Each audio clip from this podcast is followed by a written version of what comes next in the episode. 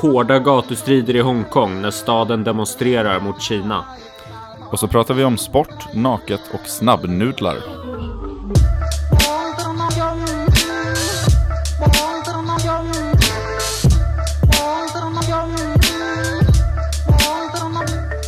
Hur är läget?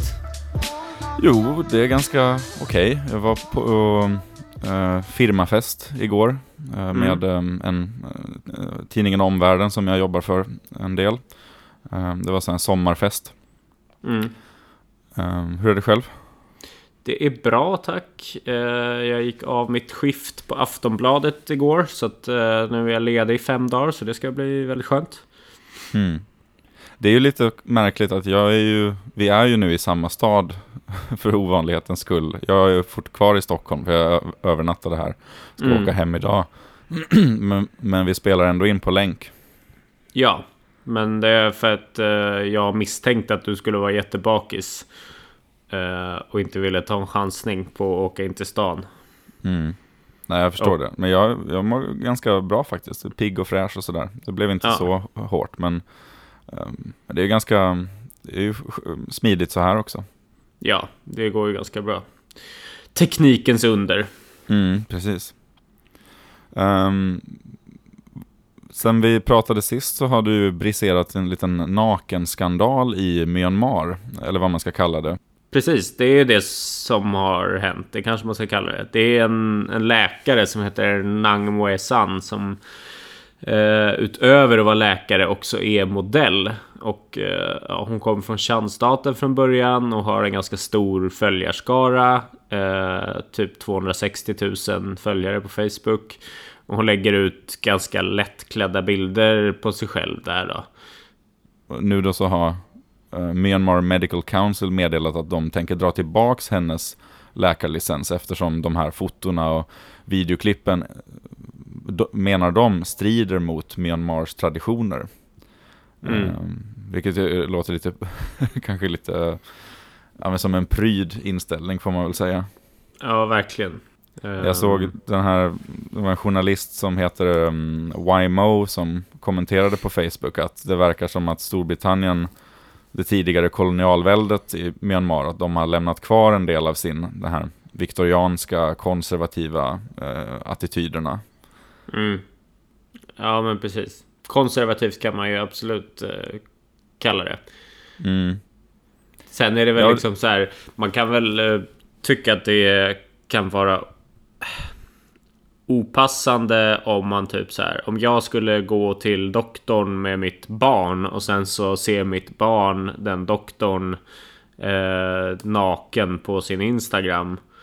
Så är det ju liksom en konstig clash på något sätt. Men det är ju inte egentligen en grund för, för att inte kunna vara läkare. Det finns ju ingenting liksom som skulle vara... Fel. Det är ju inget fel i det. Man får väl Nej, göra vad precis. man vill på sin fritid liksom. Eh, till en viss eh, gräns. ja, inom lagens ramar. Men Exakt. det känns ju som att Myanmar är ganska ändå konservativt fortfarande. Eller åtminstone lite, lite försiktigt.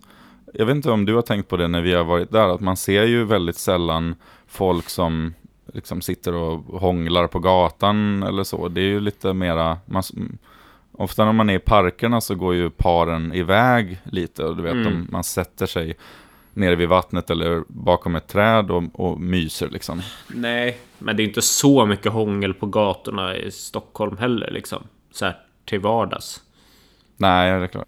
Ja, vi får ju se om hon... Um, vi kan väl hålla tummarna att hon får tillbaka sin uh, licens i alla fall. Det, det, det råder ju inget överflöd på läkare i, i Myanmar så att de kan väl behöva alla uh, liksom, kunniga personer de har. Mm. Hon får väl hävda att uh, hon bara liksom utbildar folket i anatomi. Just det. Ja men exakt, det är en folkbildningsinsats. Mm. Fotbolls-VM är igång också. Har du tittat någonting på det? Nej, det har jag inte gjort. Det började ju inte så bra för, uh, för Thailand. Um, när vi spelar in det här nu så vet vi inte ännu hur det ska gå. Sverige ska ju möta Thailand nu på söndag den 16. Mm. Um, men i, i, deras första match mot USA så torskade de med, med 13 insläppta mål. Uh, ja. 13-0 slutade. Uh, som ska vara VM-historiens största förlust någonsin. Ja. Ja, men då är det inte utan att man tycker lite synd om Thailand nästan alltså. Verkligen. Alltså, för det är ju ganska få fotbollslag överlag i Sydostasien som har liksom någonting att säga till om. Så att, att de ens har ja. tagit sig till VM är ju rätt stort liksom. Ja, ja, absolut. Annars är det ju... Alltså Kina är med, Japan, Sydkorea. Är det något mer? Mm. Inte vad jag kommer på just nu. Men så, nej precis, i Sydostasien så är det ju, är det ju de som, mm. som representerar liksom. Och de har ju vunnit mycket i Sydostasien. De har flera guldmedaljer från det här South East Asian Games och, um, och sådär. Det är roligt för då är det liksom bara fem länder och Thailand är det enda som har ett vettigt fotbollslag. Så ja. väl värda medaljer. Nej, men, när de, de, det här är ju deras andra VM. Mm. Eh, de spelade 2015 också och då var det första gången som Thailand var med i, i fotbolls-VM eh, överhuvudtaget. Alltså också herrarna har aldrig varit med. Eh, mm.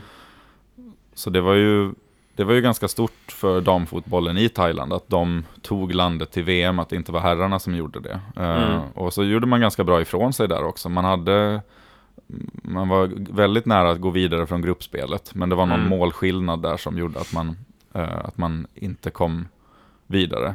Uh, Just det. Så. Men det är ju, ja, det, jag såg att USA hade fått lite kritik också nu av olika spelare och sådär för att de, man tyckte att de uh, hurrade lite för mycket när de krossade det här stackars landet. Mm. Men jag tänker, vad fan, det måste man ju få göra, fira. Ja, det blir ju liksom så här, man kan ju inte inte hålla tillbaks och göra mål uh, för att det är för lätt.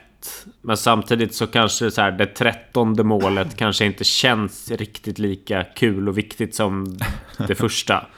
Det gör ju att man hoppas, man vill ju heja på Sverige på söndag, men lite svårt ändå. Man unnar ju verkligen att Thailand skulle kunna få en liten revansch. Så jag, jag vet inte, jag kanske... Ja, men jag, jag tycker Sverige kan väl få vinna, men Thailand kan ju få slippa förlora så stort. Det räcker väl med mm. 3-0 liksom. Ja, men det hade ju varit en bra kompromiss. De kanske kan få göra något mål också. Ja, det enda problemet är väl då att målskillnaderna mot uh, USA kommer bli så stor om det blir något avgörande i slutet. Jo. Så ska man liksom, nej men jag menar för Sverige då, så ska man liksom optimera vinstchanser där så behöver man ju dra på rejält. Mm. 20-0 tippar jag. Sätter du fem, 50 spänn på det? Uh, ja. Bra, bra odds. Mm. Men apropå VM så pågår ju ett annat VM just nu också, cricket-VM. Um, ehm, ja, som, precis. Som, som inte jag som, heller har tittat någonting på, men... Det, nej, knappt jag heller. Men jag vet inte så mycket om cricket, så det är lite roligt. Vi har ju snackat lite om att vi ska ta oss an det kanske? Ja, jag tycker vi ska göra det. För jag har aldrig följt cricket heller. Men det är ju, om man tänker på länderna som vi bevakar, då med, i, framförallt Sydasien, så är det ju cricket som är den stora grejen, inte den här fotbollen. Ja, men det är, det är mer intressant tycker jag att liksom kasta mig in i något som jag inte alls vet någonting om. För då finns det någonting jag kan lära mm. mig. Medan typ fotboll är så här. Jag kan typ reglerna så att nästa nivå är att börja så här hålla koll på spelare och hur bra de är och så här och då blir det lite för avancerat för mitt intresse liksom. Mm. Uh, men lite mer nyhetens behag kan nog ge, ge göra att jag uh, vill ge mig hän cricketen några dagar. Så vi kan väl, uh, vi kan väl försöka båda två kolla på lite cricket fram till mm. nästa avsnitt och så kan vi prata lite mer om det då. Det finns ju sådana här highlights på, äh, på den här ja, hemsidan för cricket-VM, så man behöver inte se hela de här nio timmars matcherna. Äh, utan det finns fina sammandrag på fem minuter. Vi kanske börjar där. Ja, det tycker jag låter klokt. Nio timmar kan bli rätt segt. Det är svårt när man jobb... Ja, det är svårt när man jobbar för det passar inte in i den här äh, traditionella svenska mallen. Liksom åtta timmar jobb, åtta timmar ledigt, åtta timmar sömn. Nio timmar cricket. Exakt. Var, var, ska vi få in det någonstans? Nej. Ja, men vi, vi, vi, kan, vi lovar att titta på åtminstone några matcher till eh, nästa gång. Och så kan vi prata mer om det. Och så kanske vi kan plocka in lite um, gäster också som, som kan mer om cricket än, än vi. Och som, mm. som uh, kan förklara för oss lite hur det funkar. Precis. Så här insektsprofessorer som kan prata om crickets. ja, det, kör på det. Mm. Uh, I övrigt då? Snabbnudlar kan göra dig bög. Hoppsan. Säger uh, en borgmästare i Tangerang i uh, Indonesien. Strax väster Det var ju chockerande besked. Ja, han, han har haft något seminarium om graviditet och barnaskötsel och så har han pratat om att det är viktigt att äta rätt och bra näring och så här Eh, för att barnen ska vara friska och smarta. Så här, ja, ganska normalt. Och efter det så påpekar han också att liksom... Eh, att det måste ju vara på grund av att föräldrar jobbar så mycket och inte hinner ge sina barn annat än färdig mat och snabbnudlar. Eh, som det finns så många fler HBTQ, HBTQ-personer nu. Mm -hmm. Så han mhm. liksom, han, han menar att eh, dålig kosthållning skapar fler homosexuella. Eh, det var en intressant take. Ja, jättemärkligt sagt. Det kanske inte var så här jättegenomtänkt. Ehm, Nej, det låter men, inte som det. Men det är ju inte, det är ju samtidigt inte helt ovanligt med sån här homofob retorik i Indonesien. Mm -hmm. Alltså, eh, samma vecka så sa försvarsministern att hbtq-rörelsen är farligare än kärnvapenkrig. Ehm. Wow.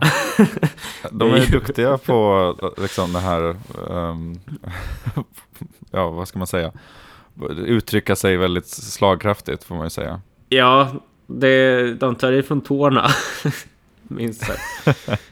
uh, ja, och, och sen har det varit någon som har sagt att hbtq-personer ska bandlysas från universiteten och så här. Det är ju väldigt, det är ju, det är ju bara en riktad hård ja, för det är väl... liksom, begränsning. För vi, sk vi skrev ju nyligen om eh, när Indien avkriminaliserade eh, samkönat sex. Och det är, ju, mm. det är ju andra länder som har följt nu också i, i andra delar av världen. Botswana var ganska nyligen. Eh, mm. men i Indonesien så har det väl aldrig varit förbjudet? Nej, inte i största delen av Indonesien. Typ i Aceh tror jag där de har eh, egen sharia-lag och sådär har det varit det. Just det. Eh, men det är ju liksom långt ifrån accepterat i hela Indonesien. Ja, uppenbarligen. Uh, ja. Det är ju fortfarande liksom ja, en minoritet som är väldigt utsatt. Ja, eh, man, man eh, tar sig för pannan. Ja, men det är liksom, det var så märkligt, så roligt säg att jag bara mm. var, man var tvungen att ha med det. För det är liksom... Ja, verkligen. Jag vet inte. När jag, när jag flyttade in på mitt nya frilanskontor så fick jag en kasse snabbnudlar, alltså typ så här 30-40 paket av min brorsa i present. Eh, han försökte omvända dig.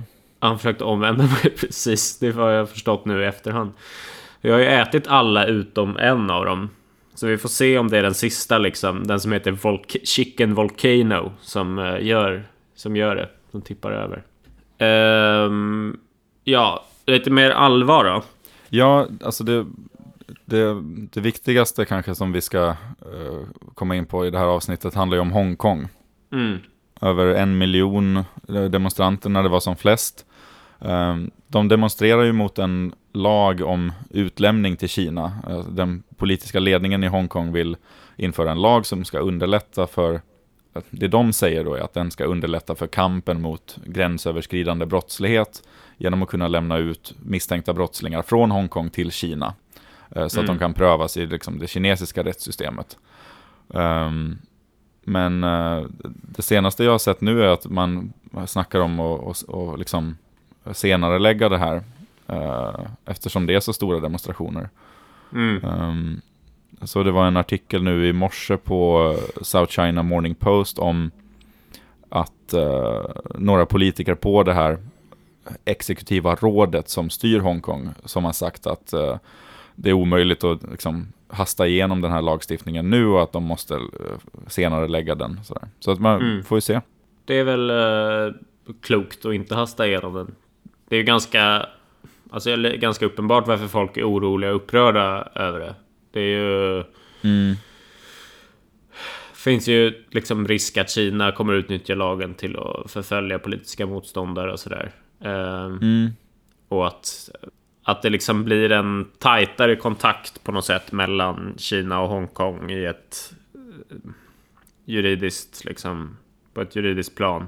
Som gör att eh, det blir lättare att bara haffa folk och göra vad de vill. Alltså det har de ju typ gjort redan men, eh, ja, men exakt, man går ju redan inte säker i Hongkong som uh, dissident eller um, kritiker. Det såg man ju med de här uh, kollegorna till Gui Minai. Han kidnappades ju från Thailand, men hans kollegor mm. på den här bokhandeln i Hongkong, de försvann ju därifrån och dök upp sen mm. i Kina. Mm. men så det här är ju, med den här lagen så får man ju bara, ja, det är ju att legalisera den typen av uh, ingrepp som man redan gör på sätt och vis. Men mm. det är ju mm. ett... Um, ja. Det hade varit kul om de införde det i Thailand också. Ja, men det, alltså Kina hade nog inte haft emot att kunna liksom, ha sådana utlämningsavtal med alla möjliga länder. Ja, men demonstranterna då? Det har ju varit, alltså det var över en miljon människor ena dagen i alla fall. Och sen när det här demonstrationstillståndet gick ut vid midnatt så blev det eh, kalabalik mellan demonstranter och polis då. Eh, och mm, det blev tårgas tår och ja, precis. batonger och sådär. Um, och sen har ju demonstranter försökt storma parlamentet också. Ja, jo det verkar vara riktigt um, liksom spänt. Jag var ju där 2017. Mm. Eh, på, då var det Kinas nationaldag och då var det också demonstrationer. Men de var ju mycket, de var mycket lugnare då. Det var, mm. det var jättemånga som var ute och tågade, om det var några hundratusen sådär, men inte i de här siffrorna. Men då, eh, då protesterade man mot fängslandet av de här eh, aktivisterna som hade lett 2014 års demonstrationer, alltså det som kallades för paraplyrevolutionen. Mm. Um, och, men, men det gick väldigt lugnt till och sådär. Jag gjorde något inslag åt Sveriges Radio och, och så. Um, mm. Men det, alltså, det har verkligen eskalerat sedan dess. Uh, och, och, det känns ju väldigt oförutsägbart nu också var, var det här slutar. Ja, det är ju liksom hela den här idén om ett land, två system. Um har ju underminerats en del tidigare också. Det här är ju verkligen något som skulle liksom kunna sätta spiken i kistan för det på något sätt. För ja, de här två systemen är ju liksom två olika rättssystem. Men den här lagen gör ju att man helt plötsligt Alltså det finns två rättssystem men Kina väljer vilket av dem du ska dömas i på något sätt. Ja men exakt. Jojje Olsson som ju också har varit gäst i den, i den här podden skrev på Facebook att han, han hans bedömning är att Peking nu um, inte kommer att vilja visa sig svagt och vika ner sig kring den här grejen. För man är ju redan under internationellt tryck från uh, annat håll. Det är den här situationen i Xinjiang med alla muslimer som är inlåsta där. Och så är det också det här handelskriget med USA som pågår. Mm. Um, och att han menar då att i det läget så, så är, är Peking förmodligen ganska Eh, osugna på att vika ner sig för massa demonstrerande Hongkongbor. Eh, så det, ja. det är ju ett illavarslande, en illavarslande analys i så fall att det, det är svårt att se varför demonstranterna skulle ge upp, för det, det är hela deras självstyre som står på spel och samtidigt mm. är det svårt att se hur den andra sidan skulle ge upp. Nej, det var ju nyligen 30 års minnesdag efter den här massakern på Himmelska Fridens torg. Eh, så vi får väl bara hoppas att det inte bär ditåt hän. Um. Nej, det var väldigt, det var kusligt att det var, alltså, alltså man hade det då, på grund av den här 30-årsdagen så hade man det så färskt i minnet på något mm. sätt, att man direkt tänkte, eller i alla fall jag tänkte direkt på det när man såg de här massorna på mm. gatorna i Hongkong. Det var liksom någon slags liten flashback på något sätt. Men Ja. Det, finns ju, det är klart att det finns en risk för att det blir mer våldsamheter. Om, om ingen av sidorna viker ner sig så är ju det en, en Jo, det är klart. Utgång. Men det har inte varit någon, så här, någon som har skjutit skarpt eller så än i alla fall, vad jag har hört. Nej.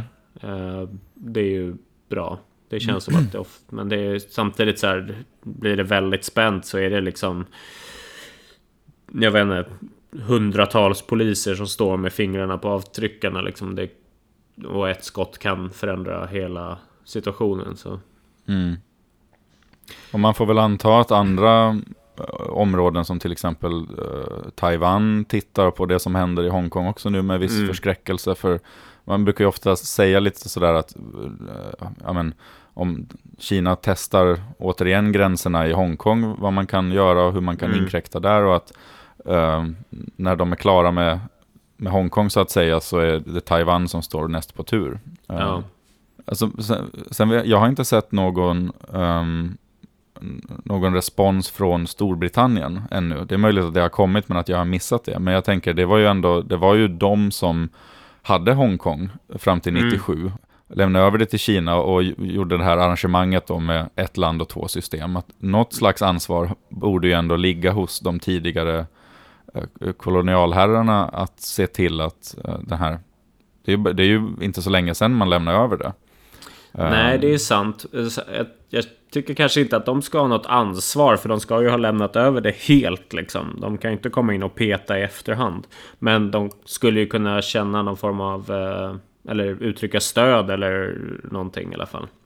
Ja, ja men precis. Jag menar något ansvar liksom för, för invånarna. Att de inte far illa. Liksom. Mm. Uh, men um, ja, det var väl allt för den här gången. Vi, ja. Som sagt, vi utlovar ett um, cricketavsnitt. Det kan vi väl göra?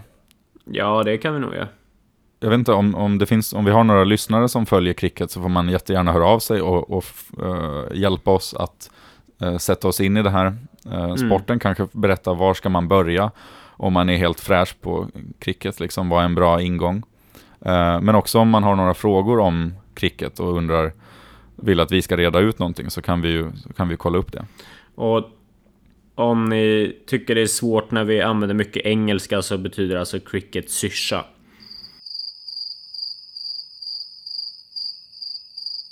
Eh, ja, men så kan ni ju nå oss då på Facebook, Asienpodden, eh, på e-post, asienpodden gmail.com. Så mm. gör gärna det. Och tack för att ni har lyssnat. Tack ska ni ha. Ha det så bra. Ha det bra. Hej. Hej.